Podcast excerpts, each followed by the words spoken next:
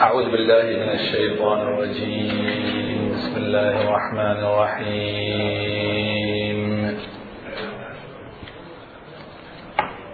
الحمد لله رب العالمين. وبه نستعين. والعاقبة للمتقين. والصلاة والسلام على سيدنا ونبينا وحبيب قلوبنا وشفيع ذنوبنا. العبد المؤيد بالقاسم المصطفى محمد. عدل الصوت وسلم على محمد. صلى الله عليه وعلى أهل بيته الطيبين الطاهرين المعصومين المكرمين الهداة المهديين السلام عليك يا أبا عبد الله وعلى الأرواح التي حلت بفنائك وأناخت برحلك عليك مني سلام الله ابدا ما بقيت وبقي الليل والنهار. ولا جعله الله آخر العهد مني لزيارتكم. السلام على الحسين وعلى علي بن الحسين وعلى أولاد الحسين وعلى أصحاب الحسين. عن المعصومين عليهم السلام قالوا به يملأ الله الأرض قسطا وعدلا كما ملئت ظلما وجورا. صلوا على محمد وآل محمد.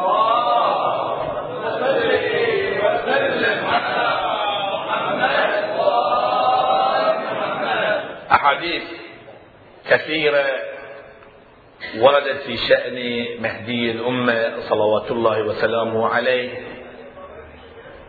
وهذه الأحاديث لا تختص بالإمام العسكري سلام الله عليه أو الإمام الهادي أو الجواد أو الرضا أو الكاظم أو الباقر أو الصادق أو السجاد أو الشهيد أو المجتبى.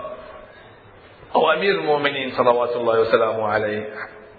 أحاديث عن الرسول صلوات الله وسلامه عليه تؤكد على أنه به يملأ الله الأرض قسطا وعدلا كما ملئت ظلما وجورا. هذا الحديث ربما يفسر بطريقتين.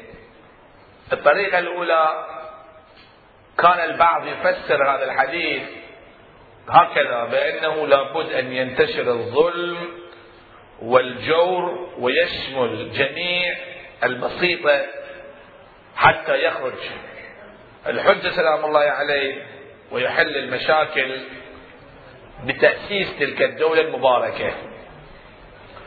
ولكن هذا التفسير تفسير خاطئ لأن هذا التفسير ينافي الآيات الكثيرة التي تأمر بالمعروف وتنهى عن المنكر وتؤكد على هذين الأصلين المهمين والآيات التي تقول وقاتلوا أئمة الكفر إنه لا إيمان لهم وما لكم لا تقاتلون في سبيل الله والآيات الكثيرة في هذا المجال. مضافا إلى ذلك عندما نتأمل في هذا الحديث نرى بأنه المقصود أنه ينتشر الظلم والجور هذا صحيح طبعا ينتشر الظلم والجور. ولكن الظالم متى يكون ظالم؟ إذا كان هناك مظلوم في البين فإذا لابد من وجود مظلوم حتى يكون ظالم. لما له معنى. إذا كلهم ظلمة الظالم بعد ما يظلم الظالم مو ظلم بعد.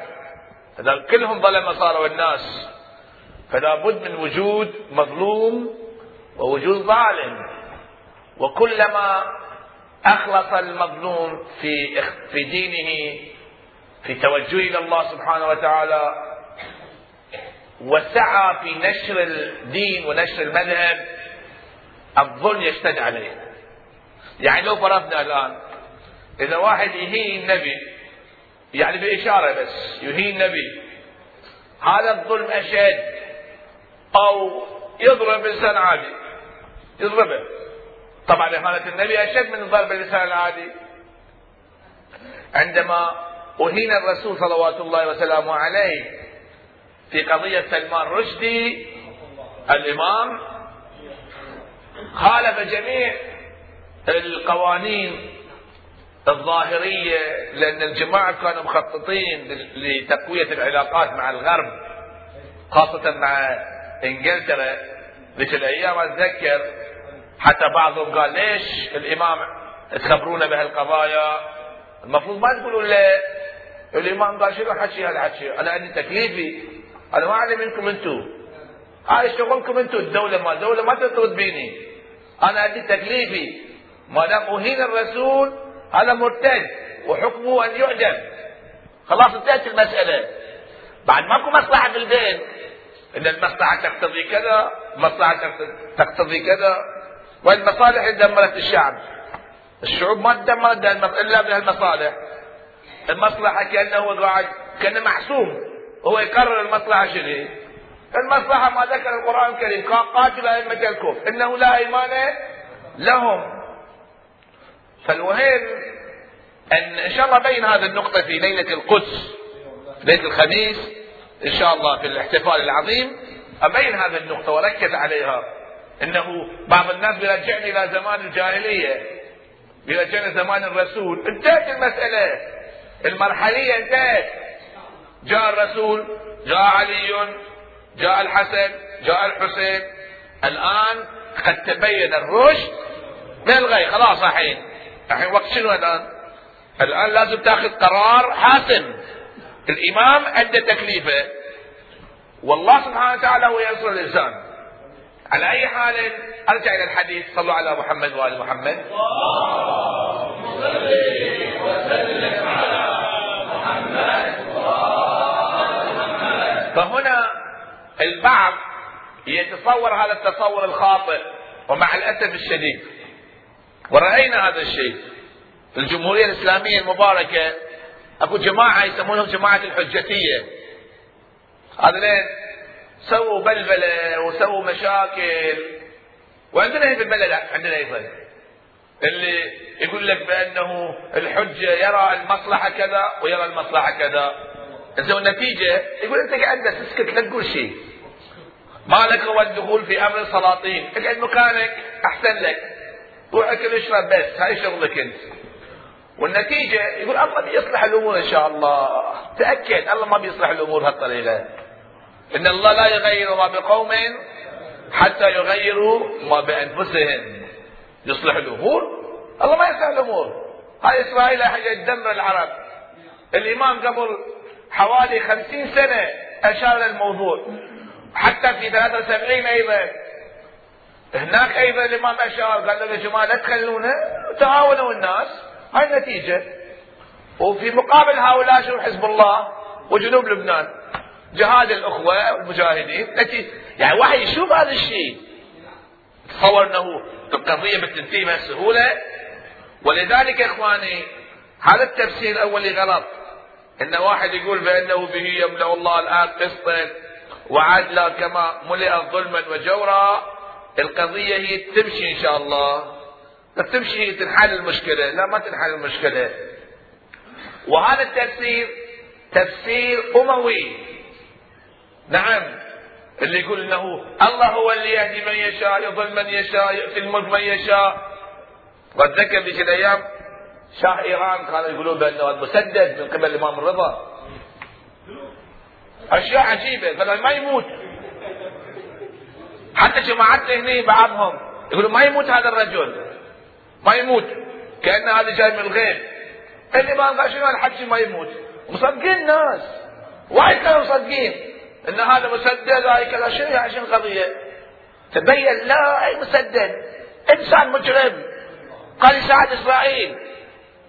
يومين الجمهوريه أول ما سوت قطعوا العلاقة مع إسرائيل تماما.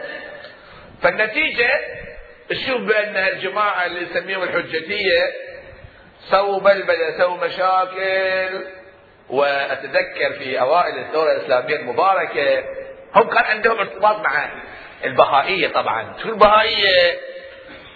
كان عندهم رئيس وزراء اللي هو يسمونه أمير عباس هويدان هذا رئيس وزراء بهائي هذه. مجرم. هذا الرجل كان يأيدهم يأيد هالجماعة البهائية يأيد البهائية. فالحجتي شو سووا؟ قال لازم نحارب البهائية فكانوا يحاربون البهائية كانوا متدينين طبعا. حتى يصرفون من حقوق شرعية وحتى بعض المراجع كانوا يأيدونهم الحجتية مو البهائية صاروا ضد البهائية وبالفعل اشتغلوا يعني يوم الإمام تحرك خالفوا الإمام. قالوا أنت قاعد مكانك إحنا نحارب البهائية اللي أعلى من البهائية هو الشاه. حاربوا هذا الرجل زي يحاربوا البهائية فالإمام ما سمعوا كلام الإمام. يوم صارت الثورة الإسلامية المباركة وأخذ هذه هويدا. أول من أعدم هو هذا الشخص. أخذ الشيخ الخلخالي وداه فوق السطح في مدرسة علوي على أساس يعدمه. فوصلت رسالة أيضا من مهدي بازرقان ذاك اليوم آه، الرسالة كان كاتب فيها شيء عجيب أحب أقول لك شلون. أنا سمعت من خلخالي. يقول بأنه آه، يوم وصلت الرسالة يقول ما قرأت الرسالة. قلت ما أقرأها. أول خلي أعدم هذا الرجل أتخلص منه بعدين. يقول يوم أعدم هذا المجرم تخلصت منه ولا شفت الرسالة مكتوب. آراي بازرقان لطفا إشارة إعدام نكوني أرجوك أنه لا تعدم هذا الإنسان نستفيد منه. خوش ريال. فاهم سياسي. قلت له إن شاء الله حلو ندور عليه في عالم البرزخ وبعدين الجماعة الحجتية شنو كانوا يسوون؟ كانوا يجيبوا البهائية الحين تارك السواق يروح مع البهائية يجيبهم. وسووا مشكلة كبيرة. والحمد لله انتهت المشكلة بعد كلمة الإمام قدس سره ألقى كلمة قوية جدا. والقصة طويلة ما بدي أشرحها هنا. وإن شاء الله في وقت آخر يكون في مجال المنبر في مجلس خاص إن شاء الله. إنه شنو صار بالضبط؟ النتيجة بأنه ثبت للناس والكل يعرف بأنه هذا المنطق هو منطق غلط. الشهيد الصبر رحمة الله عليه. في النجف الأشرف عندما كان يدرس تفسير القرآن أنا حضرت درس أيضا تفسير كله. وفي أواخر عمره كان بين قضية أن الله لا يغير ما بقوم. شرح المسألة بأنه ما يتحقق شيء في العالم بدون سبب. ووضح وضح هذه الأمور من خلال هذا الكتاب المطبوع الآن. اسمه المدرسة القرآنية خوش كتاب جيد. اخوان قالوا هذا الكتاب جدا مفيد. فالقضية قضية آه، اثنين أربعة قاعدة يعني قاعدة عقلية بدون حركة ما بيصير شيء.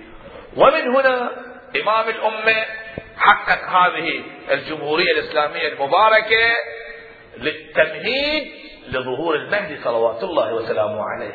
اللي بعض الناس يجي يقول لك بأنه آه، هم لا ما يفكروا في التمهيد لا بالعكس. يمهدون للمهدي و و ويعتقدون هكذا كما قال الإمام قدس سره في كلمته. كلمة لطيفة للإمام خلينا أبين لك هذه الكلمة ثم انتقل إلى آه، صفات تلك الدولة المباركة. اللي بينا قسم من الصفات بالليلة الماضية وهذه الليلة نكمل الصفات اللي هي سبع صفات مهمة رئيسية لدولة المهدي المنتظر عجل الله تعالى. فرجه الشريف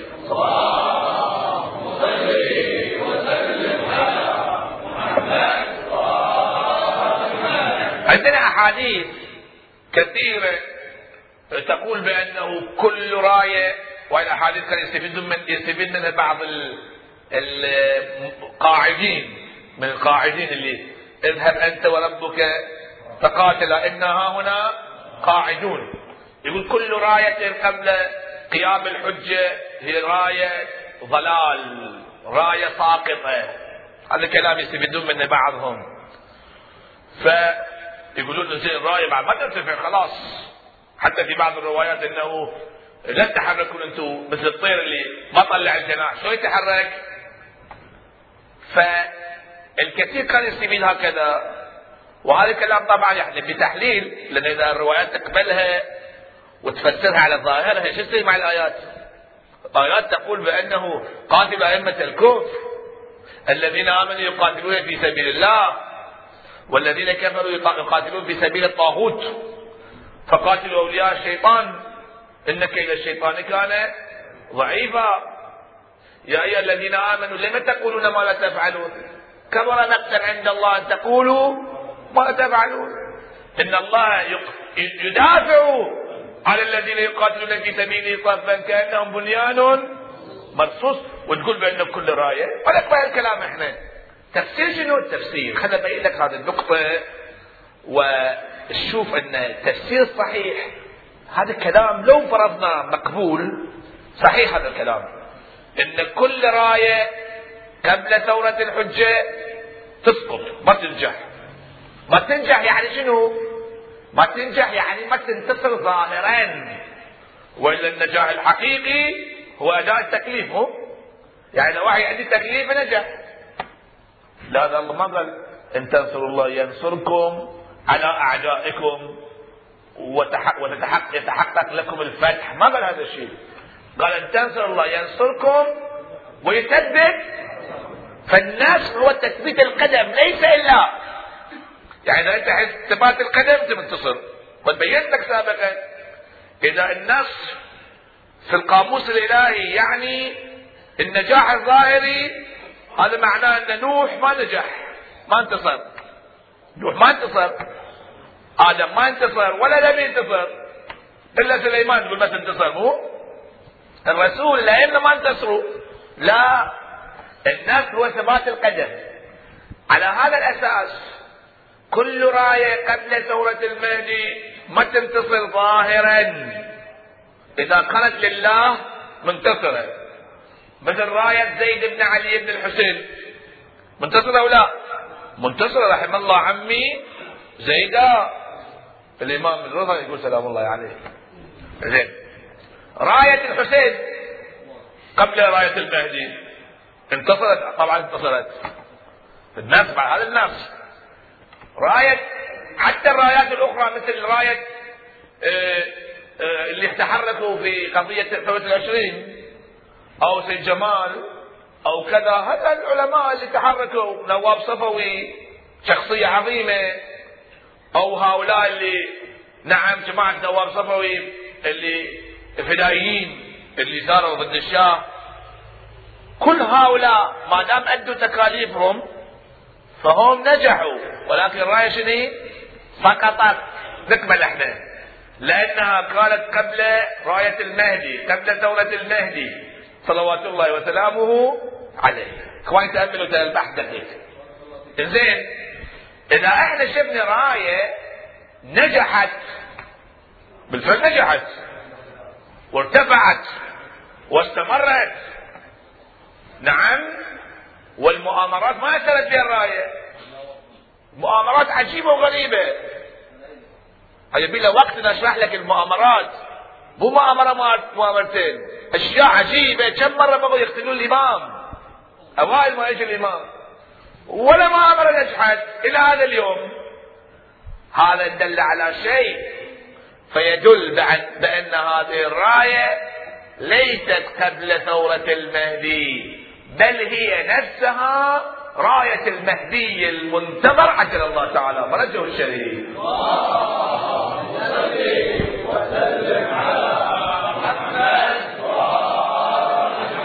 شلون يصير هذا الشيء؟ تقول يعني هي راية المهدي. نعم. اولا أستدل بكلام الإمام والكل معتقد بالإمام. كلام الإمام دون المعصوم ولكن كلام قوي. في كلمته المباركة. يقول بسدوي بهمان يعني 22 بهمن يوم الثورة. آغازة يعني بداية.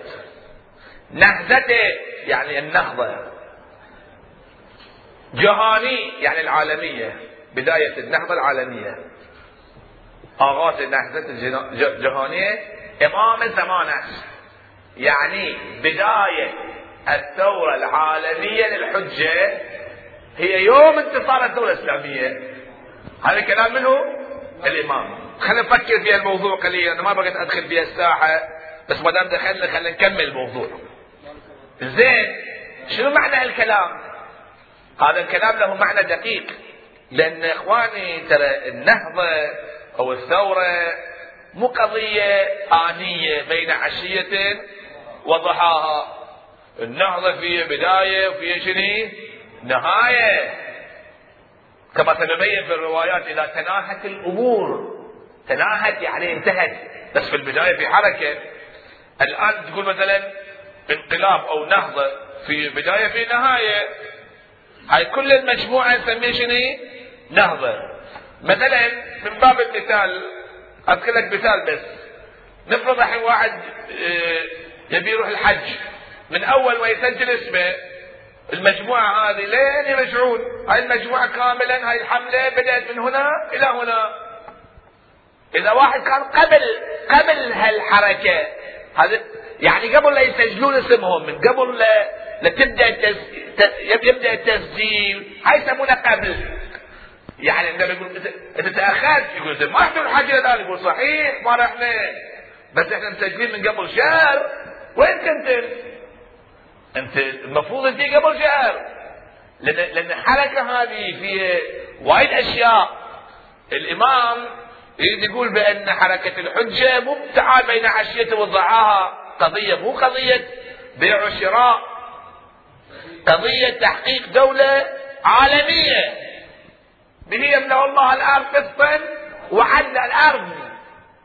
أي قرآن تقول نجعلهم ائمه ونجعلهم الوارثين. كل واحد منكم بيصير إمام.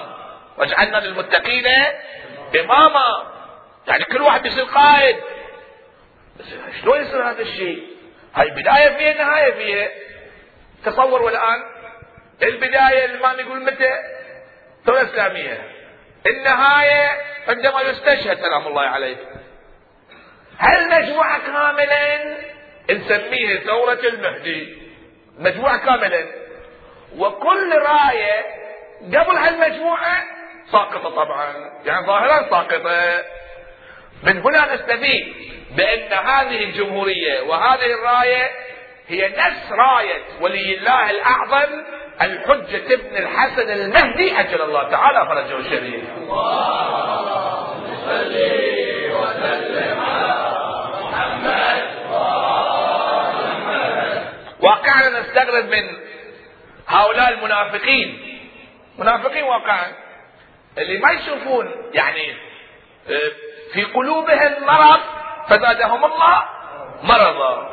كأن هذا ما يشوف هالإنجازات زين أنت حين يجي يقول لك هالجماعة جاي يعملون حق نفسهم ما يفكرون في دولة الحجة ما يفكرون بالحجة. زين جرب أنت اسأل. إحنا كنا في قم مقدسة من أوائل الدولة الإسلامية. وكنا نروح مسجد صاحب الزمان يسمونه مسجد جنكران. يجون ثلاثة أربعة خمسة ستة قول عشرة قول خمسين واحد. يصلون صلاة الحجة يروحون مو تصلي الثورة الحين؟ جرب ثلاثة أربعة روح هناك. شوف العالم آلاف مؤلفة. اسألهم من وين جايين؟ واحد يقول لك أنا جاي من سمنان. سمنان وين؟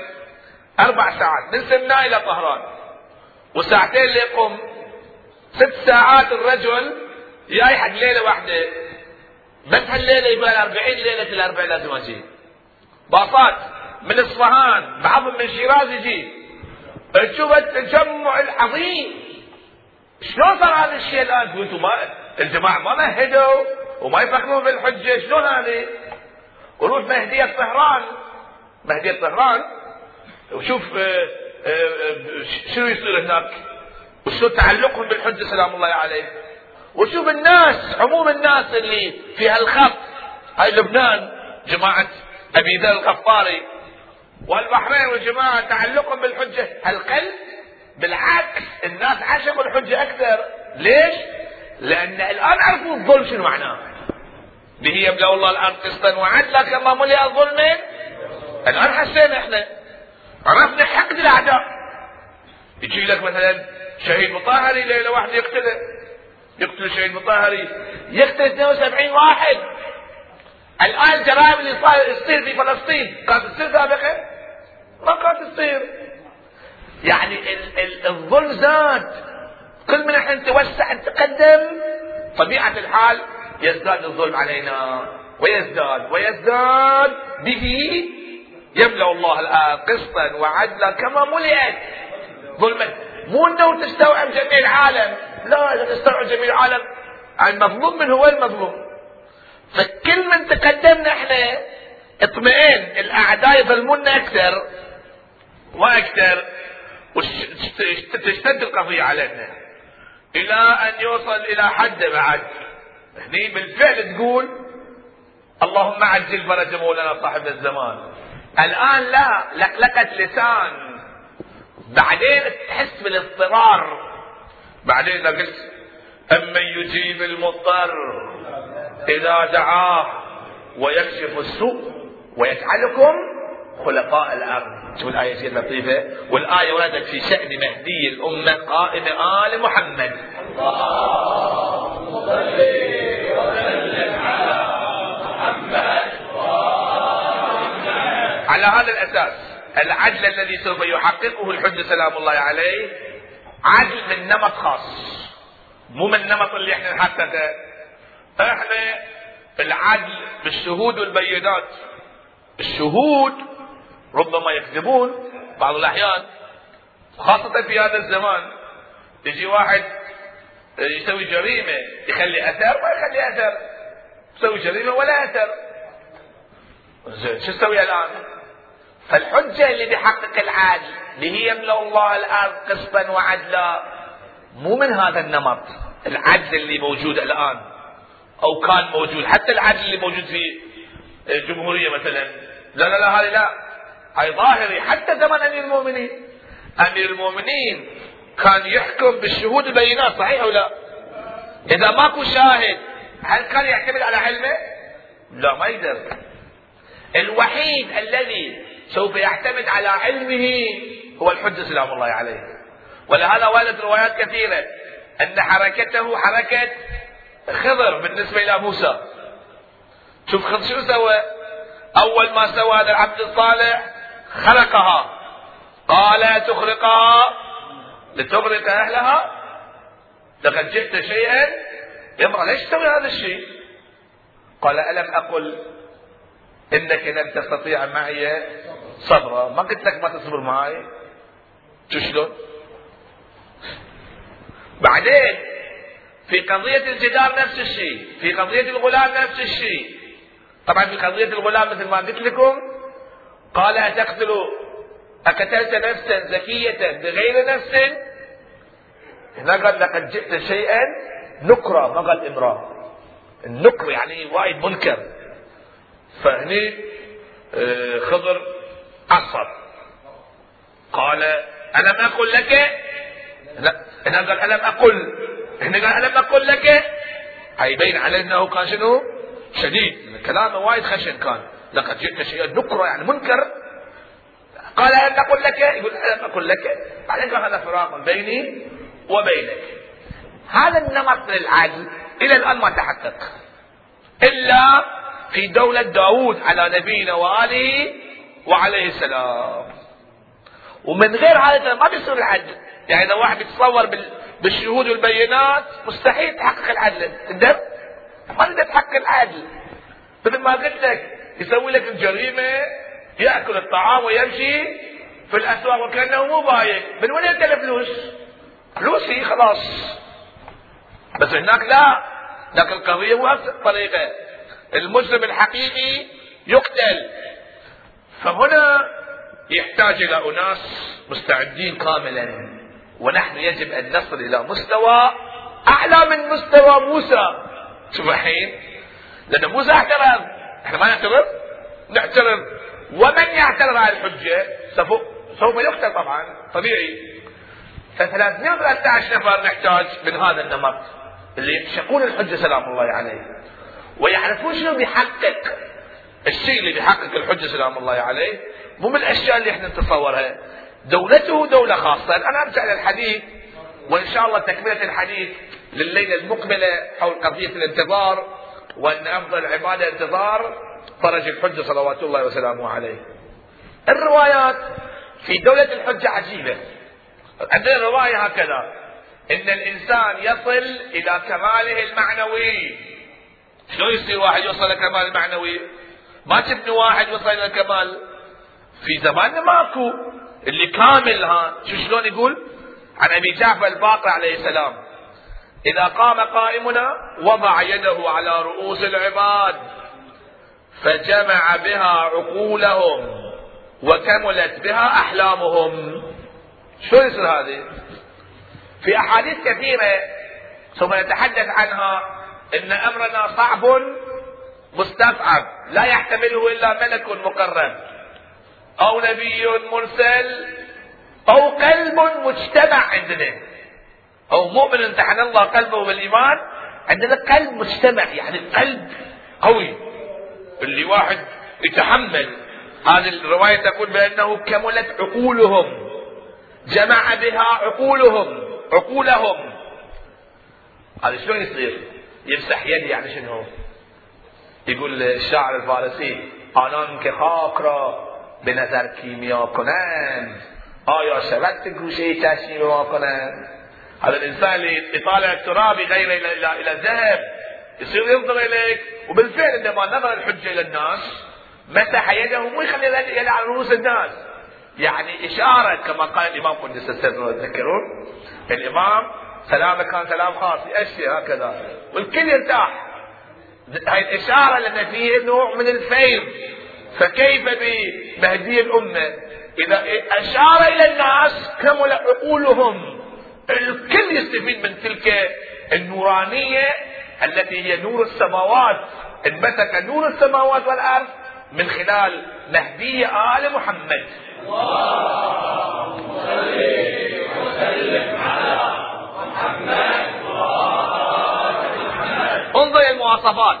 الشيء الثاني مشاهدة المؤمنين بعضهم بعضا. هاي الروايات تحتاج إلى دقة والتأمل في حديث عن الإمام الباقر الإمام الصادق سلام الله عليه يقول إن قائمنا إذا قام مد الله عز وجل لشيعتنا في أسماعهم وأبصارهم. هاي الشاهد ما قلنا في الليلة الماضية شيعتنا عن شنو؟ إذا قضية التكنولوجيا لشيعتنا يعني شنو؟ للناس. هم أحسن هم من الناحية أقوى منه مد الله لشيعتنا. من كلمة شيعتنا نعرف بأن القصة مو قصة تكنولوجيا وتلفزيون ورادار وما شنو. القصة قصة معنوية. أن الإنسان ينظر بنور الله. هكذا يقول لشيعتنا في أسماعهم وأبصارهم. حتى لا يكون بينهم وبين القائم بريد يكلمهم بريد يعني واسطة. فيسمعون وينظرون إليه وهو في مكانه. شو يصير هذه؟ ينظرون إليه وهو في مكانه. مثل ما قلت لك اللي يفسر لك تفسير ظاهري يقول ليش يقول شيعتنا لا في غير شيعة. في كفرة موجودة أيضا. حتى في رواية أن الكفرة يخشون نفسهم يختبئون في الحجر. مو ورا الحجر داخل الحجر. شو يصير هذا الشيء؟ أنا أقول يمكن يبدلون نفسهم لأن الماده تتبدل إلى قوه يبدل لنفسه إلى قوه يدخل بوين؟ في الحجر. فالحجر ينطق وإن الشيء لا يسبح بحمده. المؤمن يسمع صوته. ينطق يقول إن في بطني كافر. اكسرني واقتله. فهذا يجي يكسر الحجر ويقتل الكافر. وين بيطلع حين؟ مجرد ما انكسرت هذه تفتت طلع من طلع قتله شيء غريب يعني. هم يستفيدون من هالامكانيات بس إحنا ما نحتاج. الشيعة مد الله بأبصارهم وأسماعهم. طبعا أهل الدنيا وأهل المادة ما يصدقون الكلام. وما الغير يصدقون. لأن إحنا جاي نتكلم مع ناس معتقدين بعالم المعنى والملكوت. مو واحد عايش مادة بس يتصور الدنيا هذه. ولن الدار الآخرة هي الحيوان. لا يعرف عالم المعنى ولا الملكوت ولا معرفة الله ولا يعيش. الروح عايش مادة وجسم. هذا غير معقول. هاي كلها تصورات. الإمام قدس سره في أكثر من خمس ست كتب أنا شايف غير محاضراته. يقول لا تنكرون. يقول أخذ شيء الإنكار. إن واحد ينكر يقول هاي جهل مركب يسمونه. اللي ما يعرف يقول ما أصدق أنا. ما تصدق يقول ما أصدق. يصير في جهل مركب. إذا صار جهل مركب ما يتعلم. ليش يتعلم بعد؟ يقول إذا جهل مركب ما يعرف إنه ما يعرف. إحنا خلينا نطلع نفسنا من جهل مركب خليل وأنت عايش مع المعنى وعالم المعنى ومن نجيب المنتج الحسيني نبتعد عن الماديات. في الواقع نمركز حواسنا إلى عالم المعنى نقدر نصل إلى هذه الحقائق. لأن إذا انكرنا هذه الأمور لازم ننكر الآيات أيضا. اللي تقول فما بكت عليهم شنو؟ السماء. يقول لك إذا ما بكت السماء السماء تبكي وما تبكي. يقول ما تبكي. الآية تقول هكذا بكت عليهم السماء. وما بكت يعني يمكن تبكي. وبس هذه مئات الأدلة عندنا من القرآن الكريم على أن الموجودات لها شعور. ولكن ولكن لا تفقهون شنو؟ لا تفقهون. وأما إذا جاء الحج سلام الله عليه كملت أحلامهم صاروا فقهاء فيفقهون تسبيح الموجودات وكلام الموجودات فيقول حجر اكسرني واقتله. صلوا على محمد وآل محمد. اللهم صل وسلم على محمد إحنا نتامل في الروايات حتى نعشق تلك الدولة المباركة؟ مو نقايسها بأي وضع عادي؟ لا لا لا. ما بيصير هذا الشيء إلا بوجوده سلام الله عليه. يحتاج إلى معصوم. وإلا إذا هذه عادي واحد يقول أنا عايش الحمد لله أحسن بيت أحسن سيارة أحسن معيشة. والشيعي ليش تقول اللهم عجل؟ لا لا لا يعجل. ما أبغي أنا. صحيح أو لا؟ ما يعشق بعد شنو يعشق؟ ينتظر شنو؟ ما ينتظر بس حكي. والحجة مو للفقراء بس للفقراء وللاغنياء للشيعه للمؤمنين. أتأمل في النقطه فالشيعي المؤمن الغني خلي خلي يغير تصوراته. لا يتصور الحجة يعطيه أكل ويعطي ما شنو هالأشياء؟ لا ما بيعطيك هالأشياء يعطيك الشيء اللي ما بيجي في خيالك. اللي هذا الشيء الأنبياء كانوا يتمنون. سليمان يتمنى اللي عنده ملك عظيم اللي كان ينتقل من مكان إلى مكان. وعنده هالامكانيات يتمنى أن يكون من جنود مهدي آل محمد. اللهم وسلم على محمد الرواية الثانية الراوي يقول سمعت أبا عبد الله عليه السلام يقول إن المؤمن مو إن العباد مو إن الناس. عن الإمام الصالح سلام الله عليه.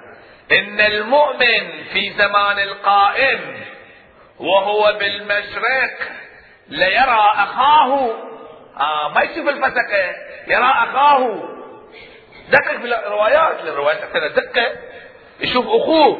يعني هذا مؤمن وذاك مؤمن يشوفون بعض. إذا واحد مؤمن ذاك فاسق متلبد مكان هذا الفاسق ما يشوف المؤمن وهو ما يشوفه ليش؟ ما عنده نور إيمان. فساقط. ما له قيمة حتى يشوفه. لأنه ما ما ينظر إليه حتى يشوفه. تقدر يشوفه بس ما ينظر إليه.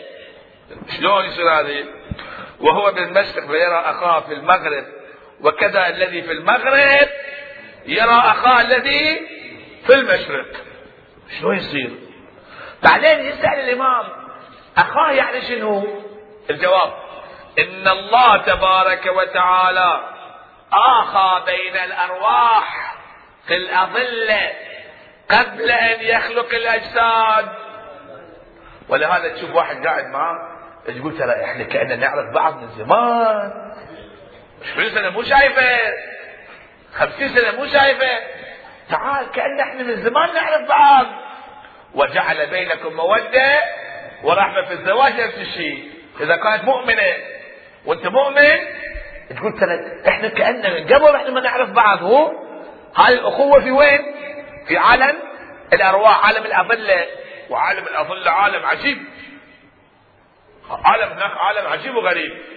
اللي خلقوا من فاضل طينتنا وكلنا تحت الشجرة المباركة.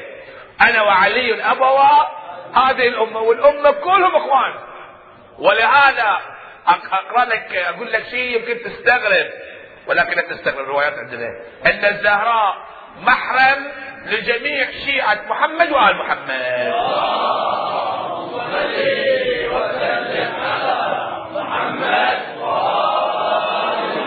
في أدلة موجودة. نرجع إلى الحديث. يرى أخاه الذي في المشرق. الرواية تقول إن الله تبارك وتعالى آخى بين الأرواح في الأظلة قبل أن يخلق الأجساد بألفي عام. فلو قد آه الرواية هكذا. فلو قد قام قائمنا أهل البيت. قائمنا أهل البيت نحن. ورث الأخ الذي آخى بينهما في الأظلة ولم يورث الأخ في الولادة. يعني أخوك في الولادة ما له قيمة. أما أخوك في الأظلة شنو؟ يرثك. هذا أيضا نقطة. ولهذا يوم القيامة أيضا يفر من من أخوه. يقول أخوي أخوي خير أخوي. مو مهم. في الدنيا المفروض المؤمن يكون هكذا. إذا طلع نعوذ بالله الأخ فاسق إيش تسوي هذا خارج عن الساحة. يوم يوم تنصحه ما قبل خلاص تركه الرواية هكذا. رواية أخرى. عن الإمام الصالح سلام الله عليه. أقرأ لك الرواية وهذه الحديث. إذا تناهت الأمور دققوا في الكلمة. وأنا أحب التأمل في الروايات إذا تناهت الأمور إلى صاحب هذا الأمر تناهت عن شنو؟ يعني استقرت. كل شيء ترتب. رفع الله تبارك وتعالى له كل منخفض من الأرض وخفض له كل مرتفع حتى تكون الدنيا عنده بمنزلة راحته. عنده. فأيكم لو كانت في راحته شعرة لم يبصرها؟ إذا شعرة موجودة تشوفه ما تشوفه؟ تشوفه. من هذه الكلمة نعرف حتى تكون الدنيا عنده. لأن الدنيا بعد عند الحجة مو دنيا. ماكو دنيا بعد. ولكم في الأرض مستقر ومتاع إلى حين. بعد ماكو دنيا. الإنسان يعيش في عالم المعنى. وإن شاء الله بقرأ لك الروايات اللي يستفيد من عصا موسى شلون وقصة مسجد الكوفة وتوسعة المسجد ومجيء الجن والملائكة والحيوانات تعيش مع بعض. هاي كل الروايات موجودة. تترك الروايات تتركها خلاص؟ إذا تأمل فيها تعرف معناه به يملأ الله الآن قسطا وعدلا كما ملأ ظلما. وجورا ولقد كتبنا في الزبور من بعد الذكر أن الأرض يرثها عبادي الصالحون. إخواني خلينا نجدد في أفكارنا قليل. نفكر تفكير عرفاني. التفكير العقلي يقول الشاعر الفارسي أيضا اقرا لك البيت الفارسي ترجمه طبعا. صلوا على محمد وآل محمد.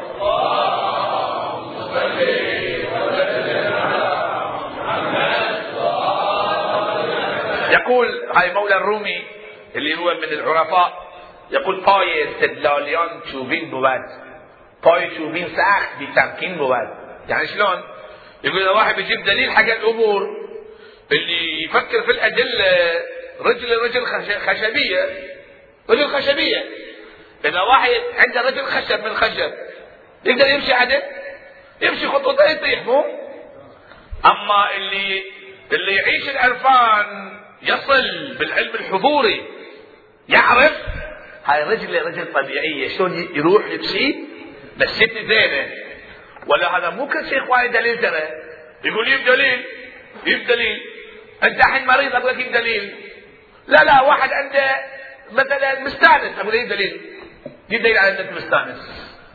يقول مستانس بعد ما يحتاج دليل. أقول إيه دليل. يلا. مو كل شيء بدليل ترى إخواني.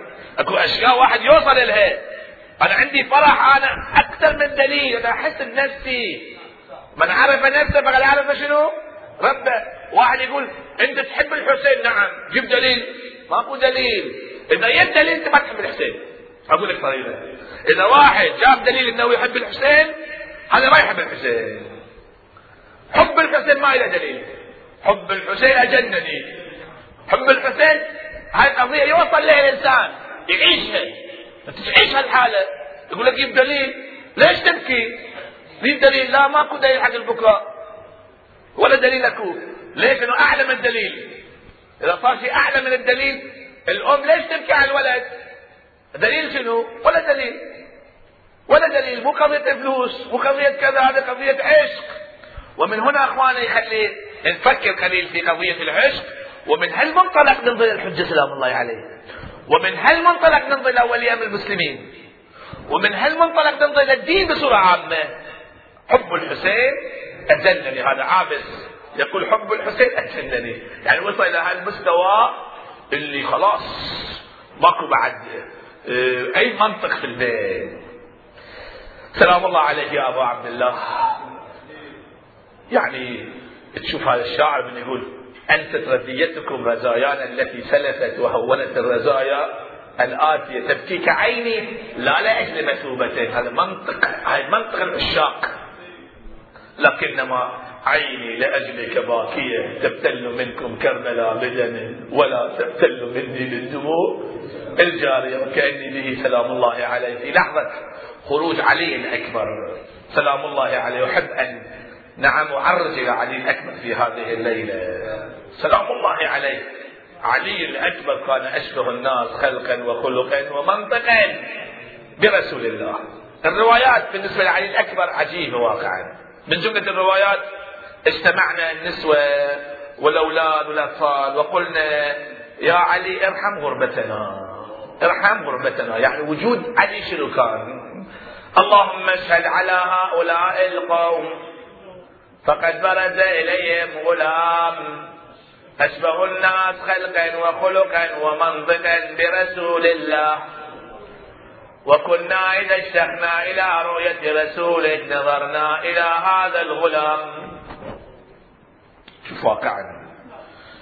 شلون علي الأكبر الوحيد اللي الحسين هو يرسله. يعني ما يجي يستأذن لا لا. ماكو استئذان في الليل هو يرسله. أما القاسم يستأذن. أبو الفاضل يستأذن. أما علي الأكبر هو يرتدى هذا الشيء الأول. الشيء الثاني أول شهيد من بني هاشم. الشيء الثالث شوف الصبر صبر الحسين والامتحان. الشهيد الوحيد اللي يوم يوصل إلى الحسين ما كان فيه رمق. الباقي لا. كل الشهداء القاسم تكلم مع انت على عمك أن تدعوه فلا. يجيبك. أبو الفضل العباس تكلم مع الحسين الشهداء كلهم إلا علي الأكبر. عندما ذهب في المرة الثانية الميدان قال عليك مني السلام. هذا جدي رسول الله قد قد سقاني بكأسه الأول لا ظما بعده أبدا. هنا الحسين أوصل نفسه. طبعا الحسين كان يروح الميدان الكل كان يهرب. لأنه ابن أمير المؤمنين سلام الله عليه الكل ابتعد فجاء إلى جسد علي الأكبر وجلس عنده ولم يكن فيه رمق. نادى بأعلى صوته على الدنيا بعدك العفا. قتل الله قتل الله يا قوما قتلوا قعد عنده وشاف مغمض العين. يبدأ مسابح ومترب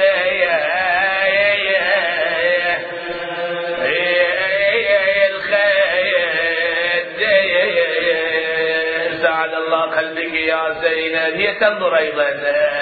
متواصل فبور والراس نصين. ظهر على بنيه وتحسر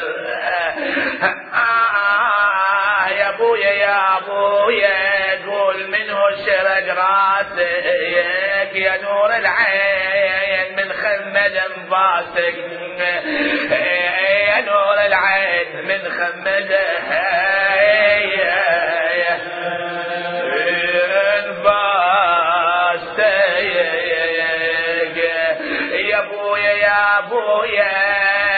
سمع يمك ولينا شبعت لعند الموت. عينيك للعشرين ما وصلت سنينك. أريد منك. آه, آه, آه يا قل لي يا سبب يا ابني. قل لي قل لي يا سبب يا ابني. وداعي.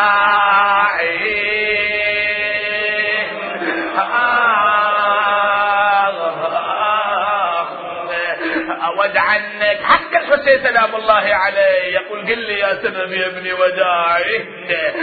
أود عنك أود عنك ولا تسمع وداعي.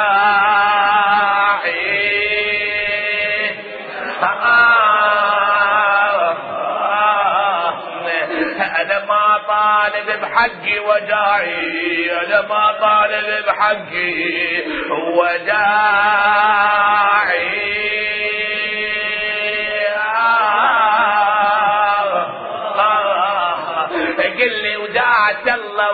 هي قل لي وداعة الله وهاي